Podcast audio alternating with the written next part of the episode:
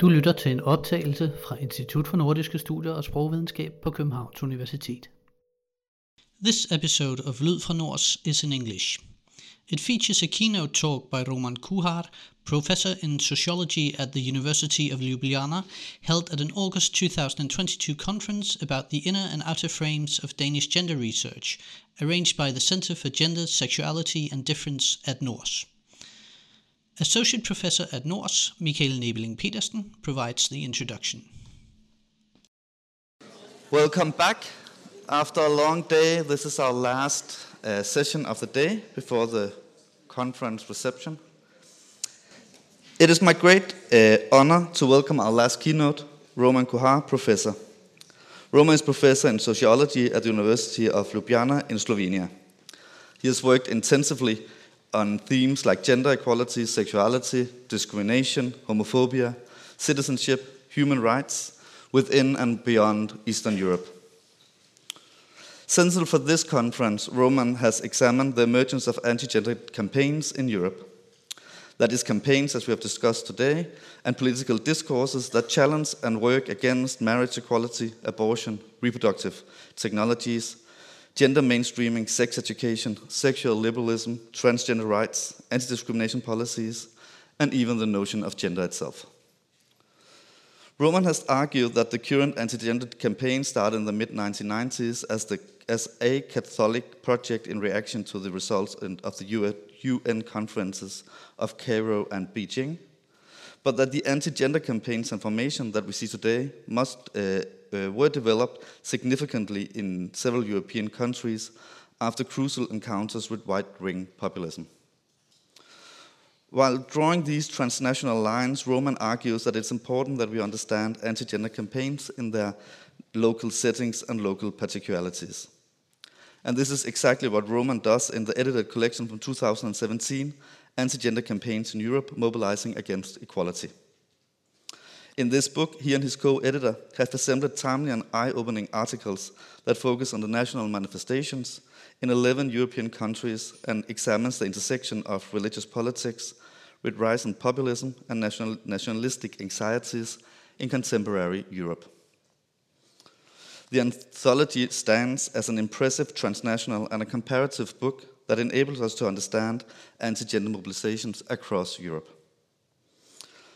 So when we were organizing uh, this conference and decided that we want anti-gender to be the central theme of the conference, we were not uh, second in doubt that we wanted to invite Roman to present his work, and luckily for us, he accepted our invitation. This afternoon talk is titled A New Cultural Revolution, Anti-Gender Movement and Marxism 2.0, in this talk, Roman will outline and examine origin, context, and implication of the discourses of gender ideology in Europe and beyond. And he will provide us with a critical overview of the current research debates on this topic. The talk will explore how an academic concept, gender, became a mobilization tool for populist neoconservative social movement and massive street demonstration, and how the concept of human rights until recently used by feminist and LGBT plus activists, now is being misused by anti gender actors. Please join me in welcoming Roman.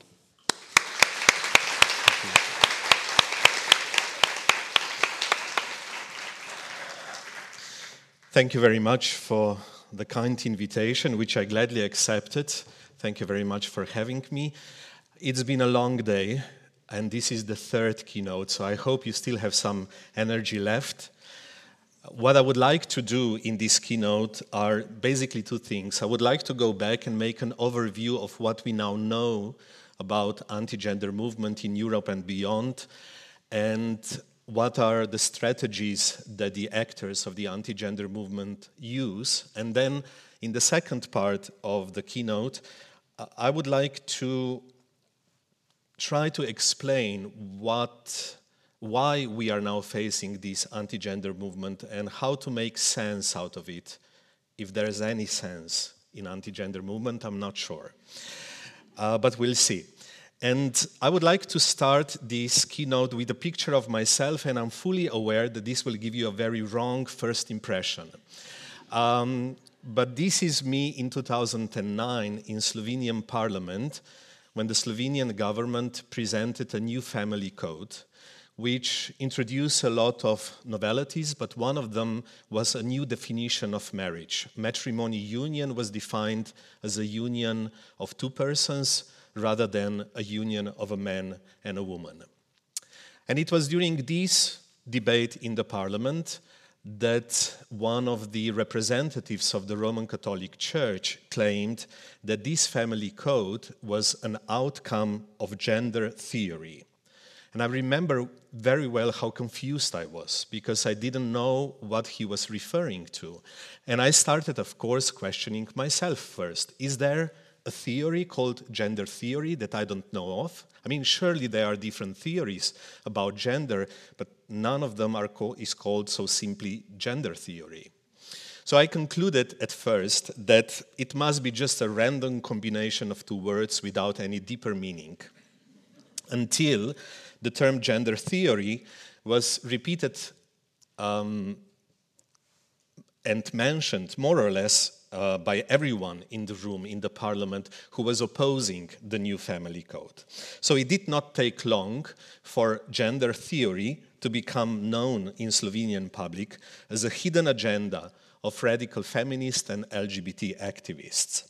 Gender theory, which in some countries is called uh, gender ideology or even genderism, alluding primarily to communism, became the basis of what we now know as anti-gender movement. And this book that was mentioned before, which I co-edited with my colleague David Paternotte, actually grew out of my frustration with this public debate in the Slovenian parliament when I realized how powerless sociological knowledge is when confronted with populist but academic sounding discourse. So, my talk today is based in part on this book and the research I conducted together with my colleagues in the years that followed. Since those early days of research on anti gender campaigns, anti gender rhetoric has taken hold and, in some cases, became part of the official state politics. The turning point for the anti gender movement in Europe were the mass protests against marriage equality in France in 2013, organized by Manif pour tous. During these protests, some participants held up banners saying no to gender theory. Soon after, the term became commonplace. It was picked up by the mainstream media, politicians began to refer to it in their speeches, and eventually it also became known among general public. These resistances across Europe and beyond should not be understood simply as a continuation of earlier forms of conservative opposition to gender equality and sexual rights. Rather, they are new resistances characterized by new forms of organization, new modes of mobilization, and new discourses that seek to address a broader audience and not just traditional circles of conservative groups. I think the best way to approach the notion of gender theory or gender ideology is to think of it as an empty signifier that can stand for anything from marriage equality and sex education in schools to reproductive and adoption rights and abortion. In everyday usage, gender ideology has become a synonym for some kind of a conspiracy theory. Its alleged goal is to deny the biological facts about men and women and to promote gender fluidity. Gender theory is thus constructed as a project of social engineering.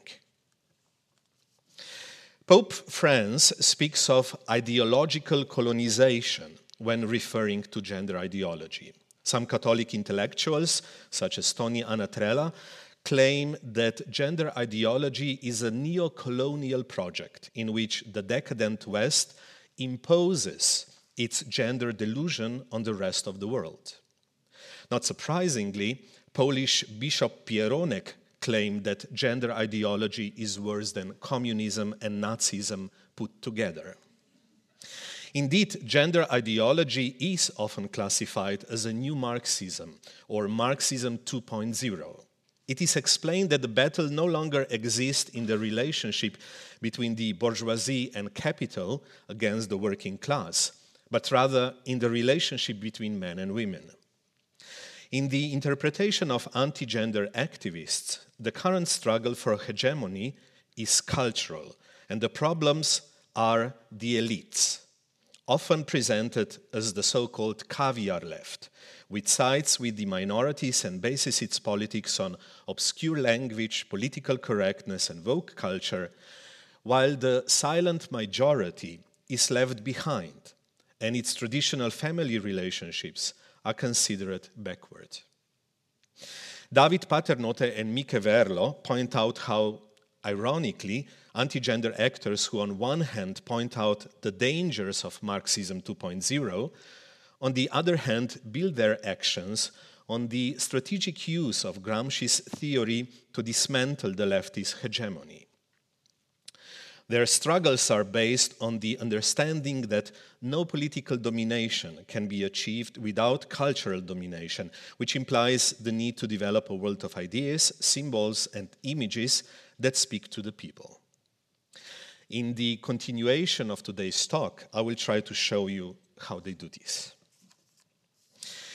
The emergence of the term gender ideology can be traced back to the developments following the 1994 United Nations Conference on Population in Cairo and the 1995 World Conference on Women in Beijing.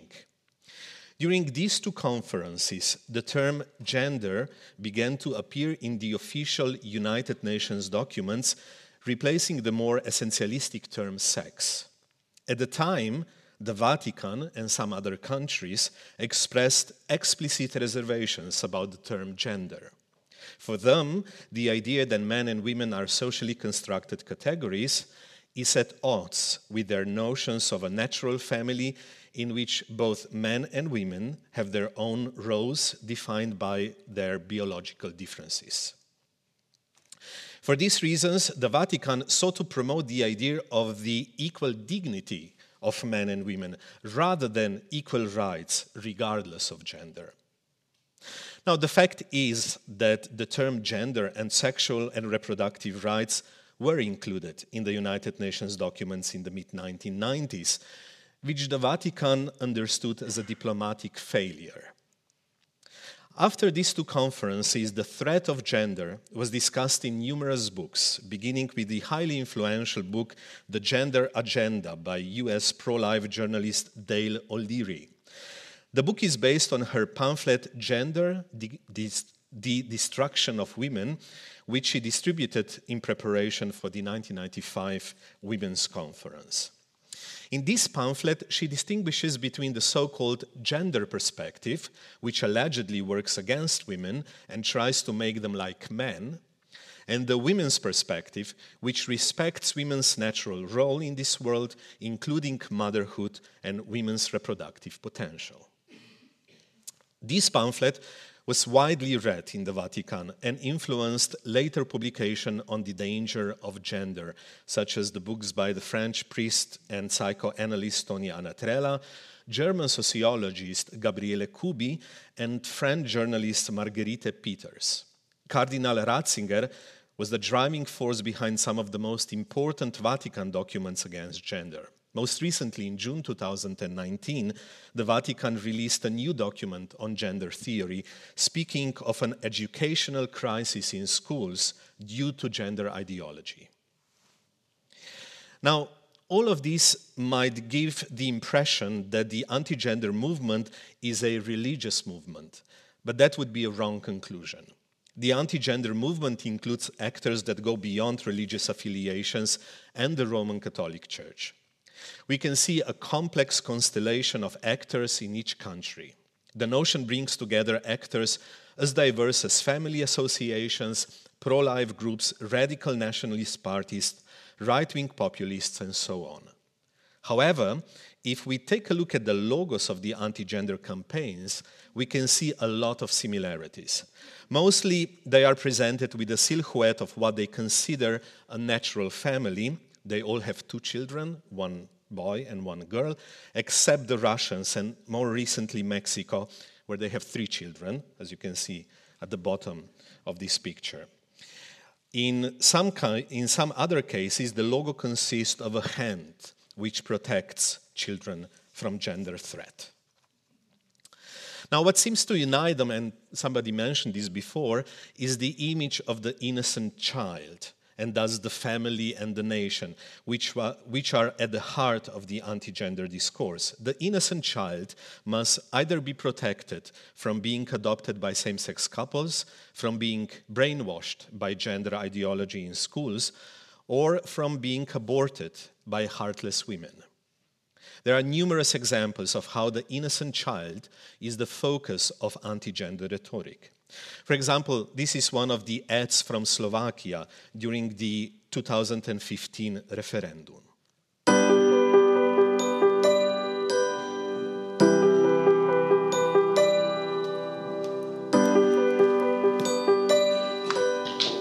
Adamko, prišli tvoji noví rodičia. A kde je mama? Deti v tom majú jasno. Príďte povedať, čo si o rodine myslíte vy. Trikrát áno pre deti a rodiny. Okay, there were no subtitles, but I will translate it for you. So it starts with the image that you see uh, on, in the closet, and it says uh, the foster family of the year.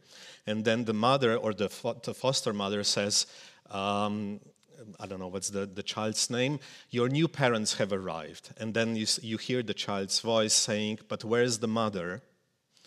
And then the narrator says, Children know best, or children know how it should be. Come to the referendum and tell what you think about family. Three times yes for family and children.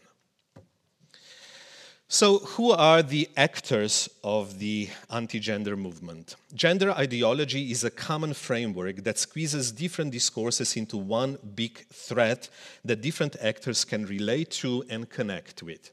Groups and actors united in their struggle against gender ideology believe that gender is constructed as an attack on one of the three ends nature, nation, or what they consider as normal. This seems to be the main entry points into the movement for various actors religious actors, nationalistic actors, and conservative actors. In addition to the groups that existed before the movement and discovered the Anti Gender Project as a new platform to promote their old ideas, and in addition to political allies, there are also some newly formed actors. Mostly they present themselves as citizens' initiatives, groups of concerned citizens, or alternatives to civil society, which is believed to be hijacked by the leftist NGOs and funded by global institutions or private donors, such as George Soros. In some countries, these groups function as satellite organizations of Roman Catholic Church or other churches. Often these organizations are also empty nutshells. A person can be a president of one organization, board member of another, founding member of the third organization, and so forth. In some countries, these movements have now turned into political parties. That happened in Croatia and in Slovenia. And in some countries, anti gender ideology has become part of the official state politics, as we have seen in Brazil, Hungary, or Poland. Moreover, anti gender actors are increasingly forming international coalitions. One example is the European Citizens Initiative for the Protection of Marriage and Family called Mom, Dad and Kids. There is also a platform, Citizen Go, which operates in 12 different languages and has over 17 million active users. The platform is primarily used for collecting signatures for anti gender petitions. There are also advocacy networks and organizations such as Agenda Europe, which connects 150 organizations and individuals in 30 different countries. According to the official program, their goals include banning same sex marriage, banning divorce, banning same sex adoption, banning artificial insemination, legalizing homeschooling, and abolishing gender equality laws at the EU level. The anti gender movement presents itself as modern, young, and hip. Now, this picture is from the protest in France by Manif pour tous, and you know now, but if you didn't know that, it could look like easily as a pride parade. In most cases, the movement tries to hide its religious connections and creates a secularized self image. It presents itself as a rational, reasonable actor ri- raising its voice because things have simply gone too far. Often, this movement also employs a strategy of self victimization, presenting itself as the true defenders of oppressed people, a majority that is silent or even silenced by powerful lobbies and elites. They also portray themselves as the saviors of national authenticity against international powers.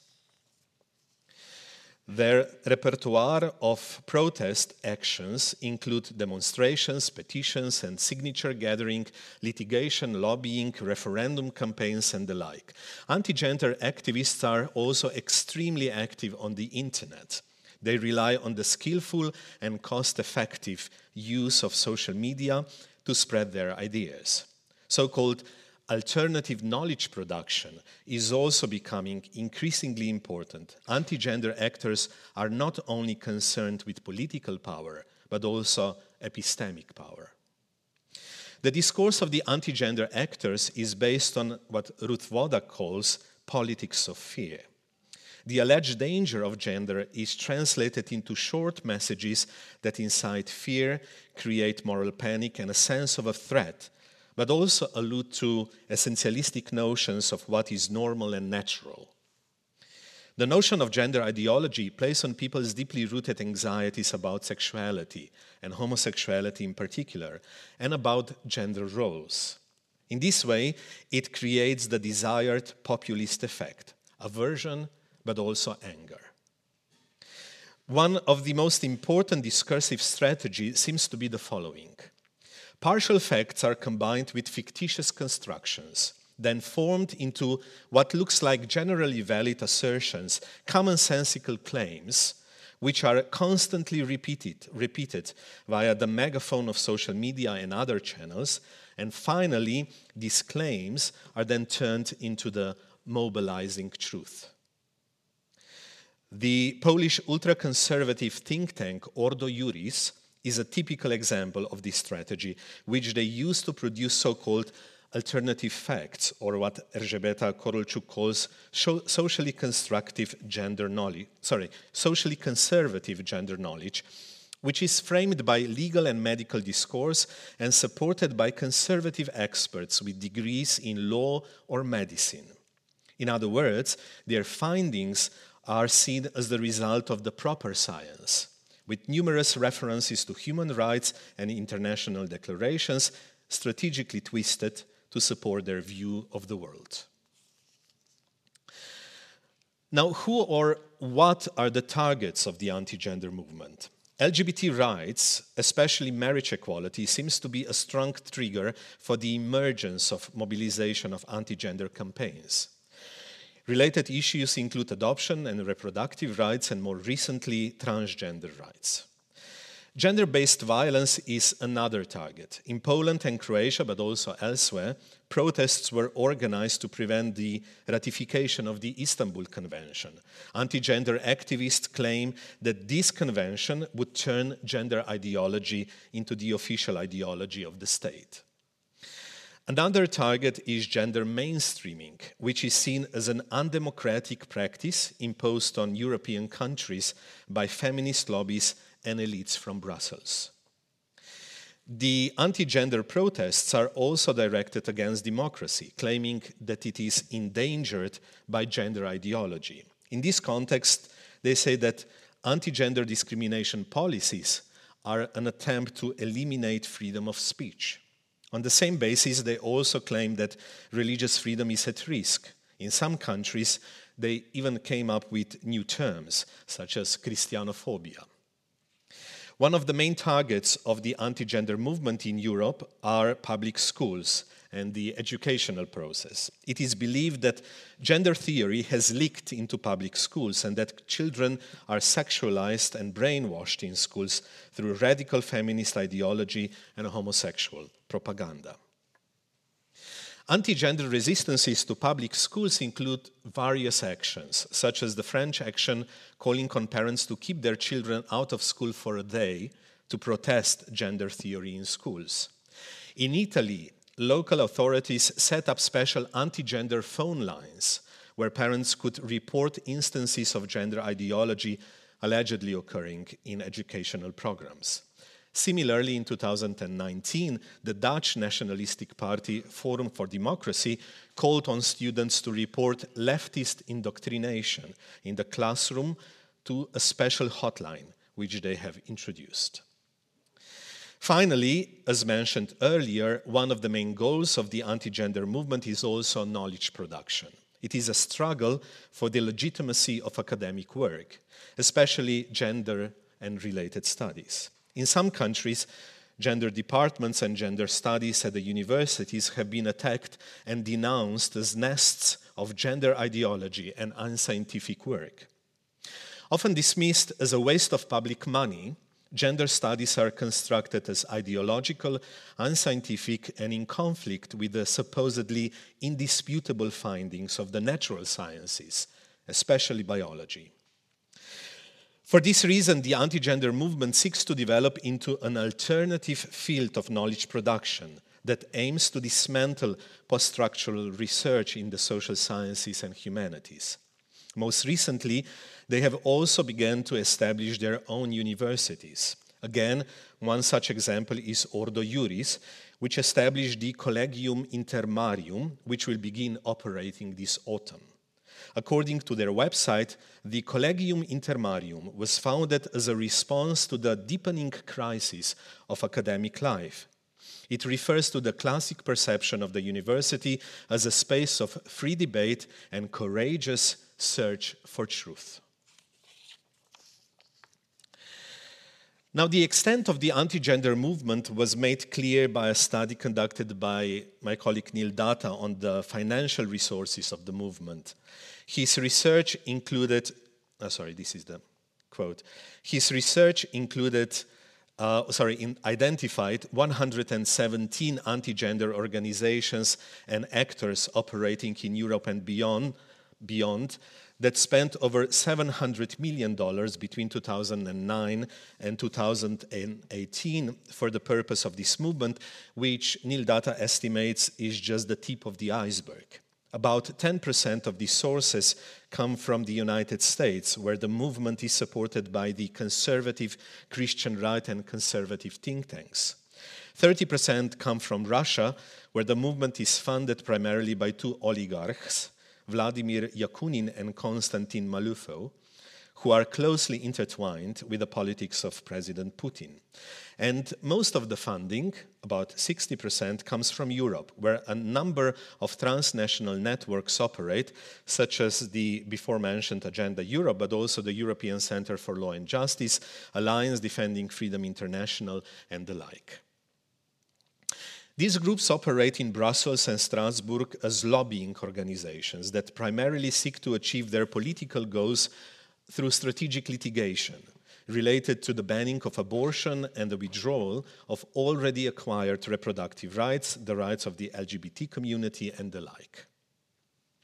An important part of their activities is also the so called walk through the institutions, which, in which they try to occupy important positions with their representatives in advisory and decision making bodies of the European Union and Council of Europe.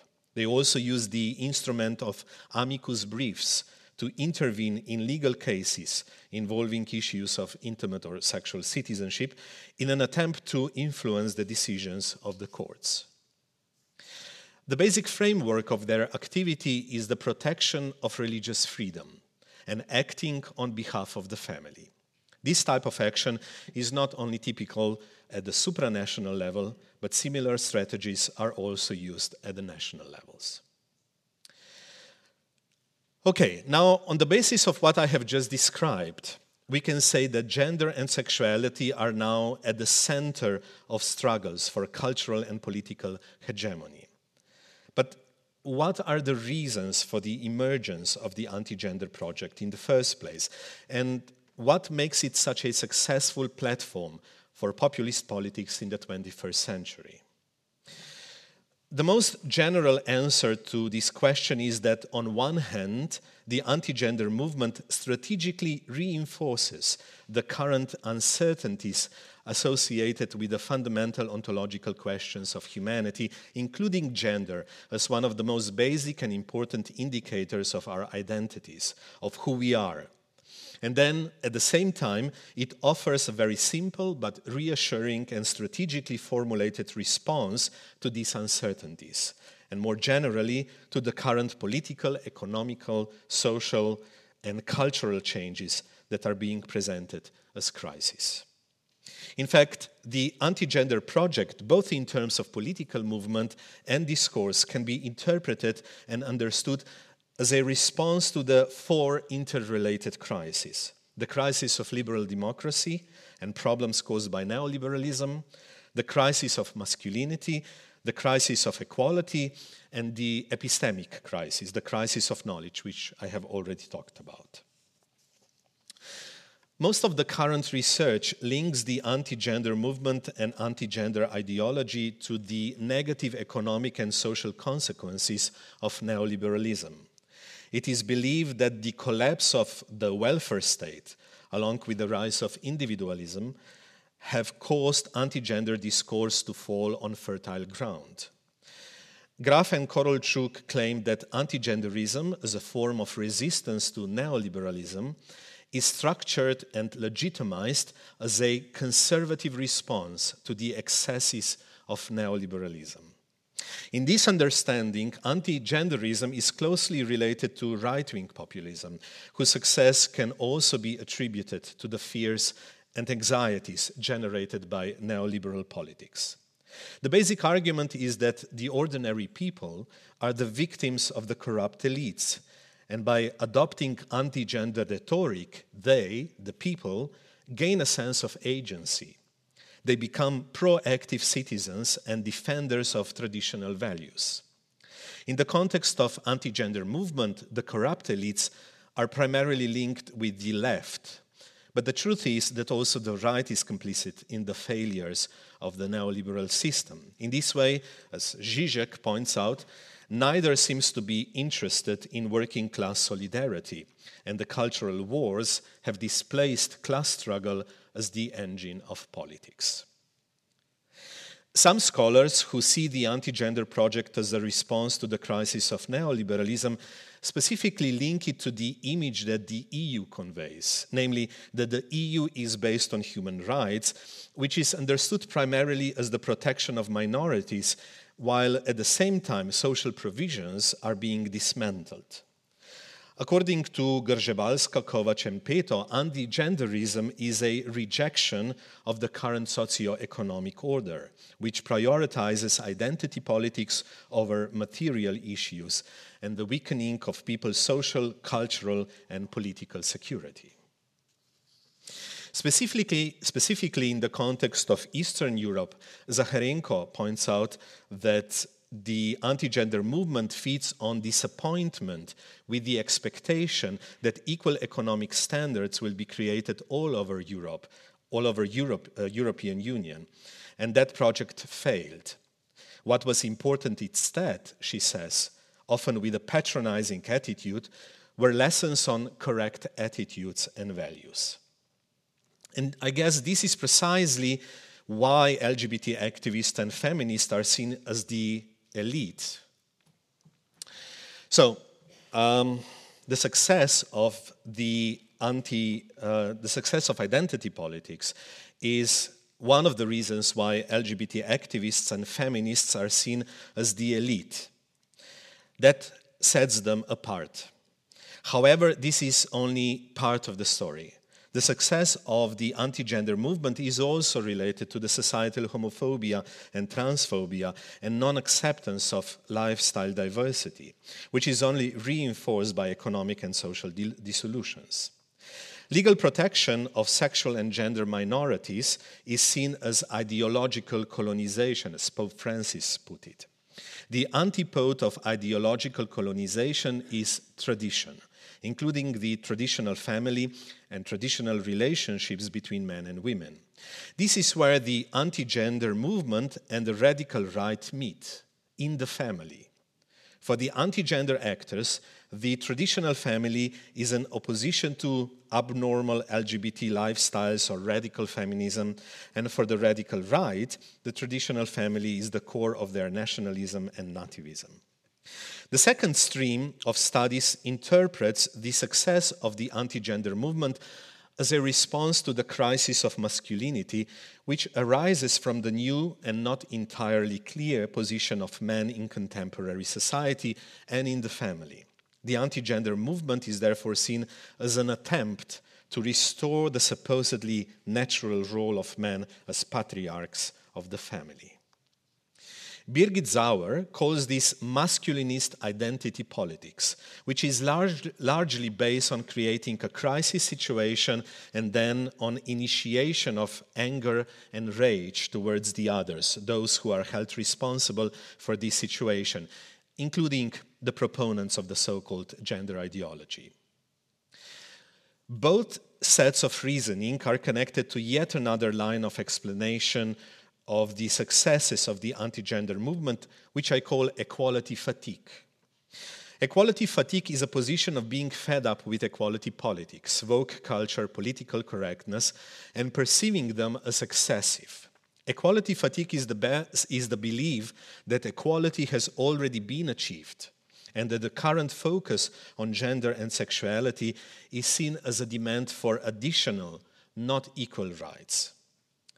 An example of this is the recent obsession with transgender issues and the backlash against the constructivist understanding of gender, which is currently very strong in the United States, as we have heard, but also elsewhere, with debates about transgender athletes, with a debate on what or who is a woman, etc.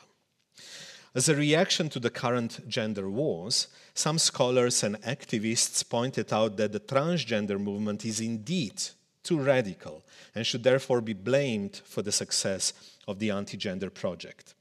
Now, I consider this a very dangerous position politically, as it is based on the inversion of victim and perpetrator.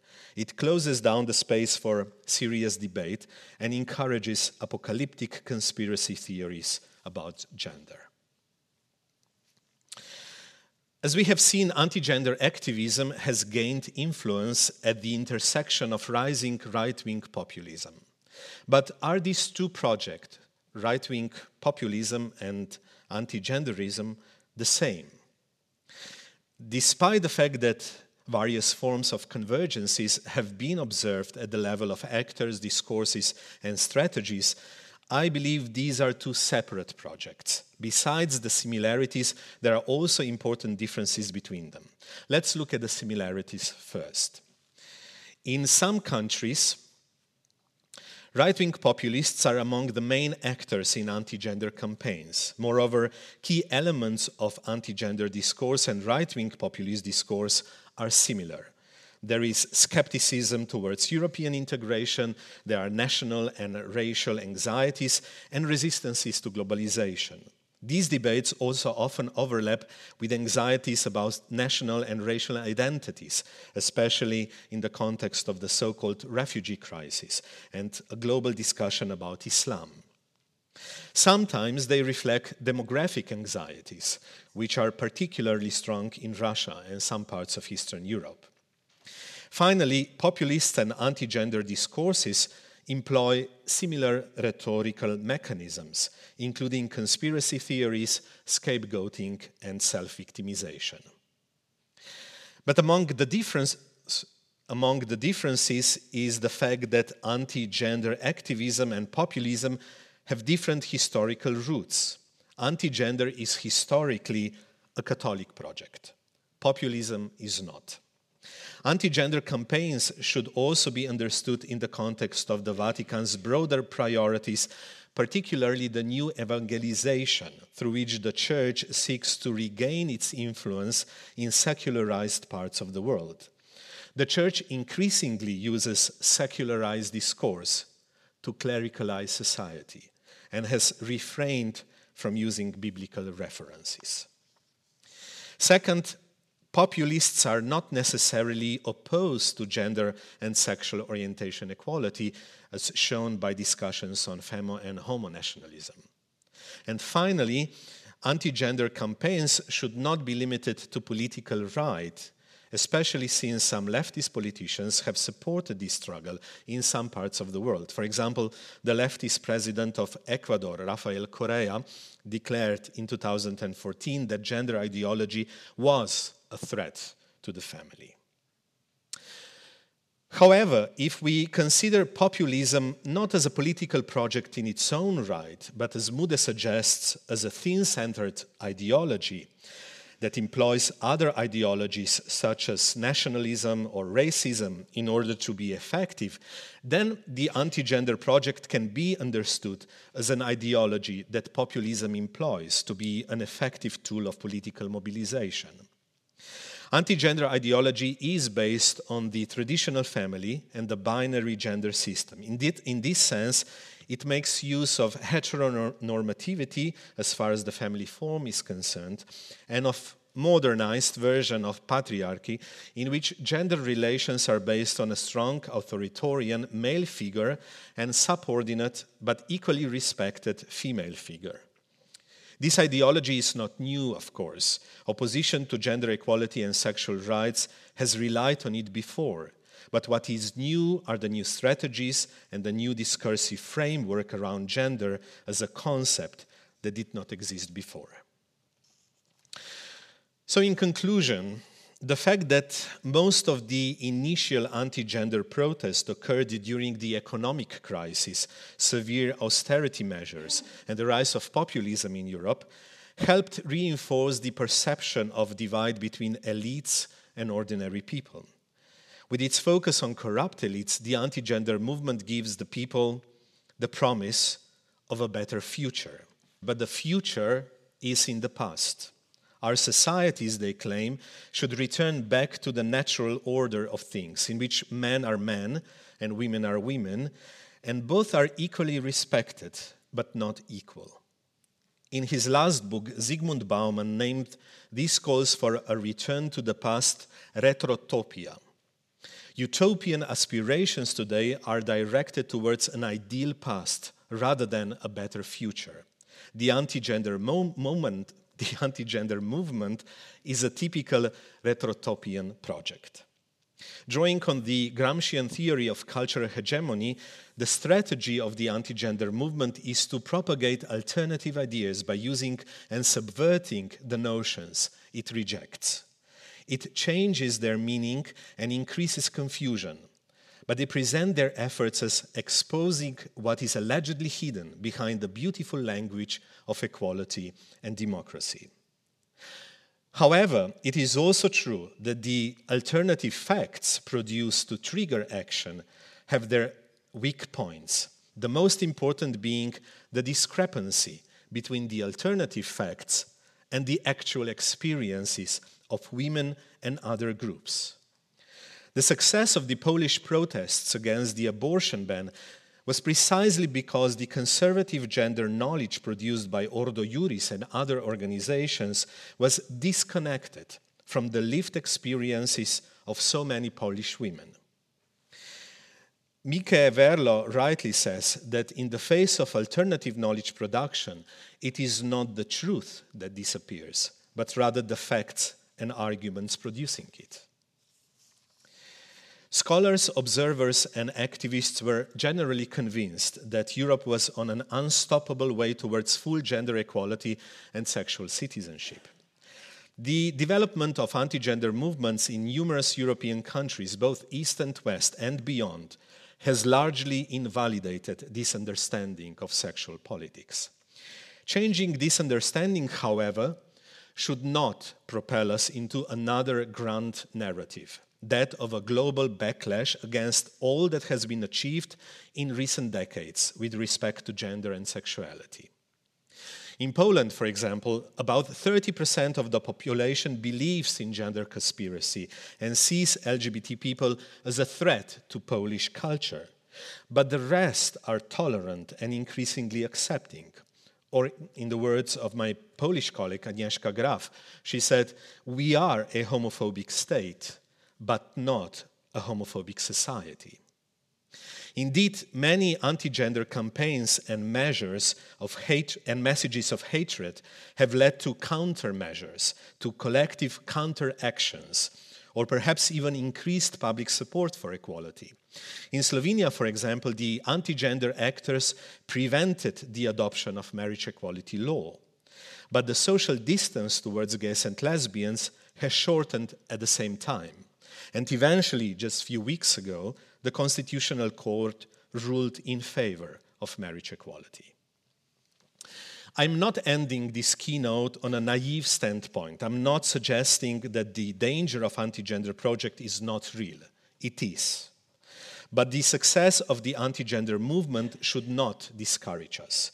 Rather, we should see it as an opportunity to critically address the current issues and problems of feminism and LGBTIQ movement and to move away from the complicity of these politics with neoliberal ideology. Instead, the role of, of feminism in the 21st century should be to create new spaces of freedom, primarily on solidarity and collective action. Thank you very much.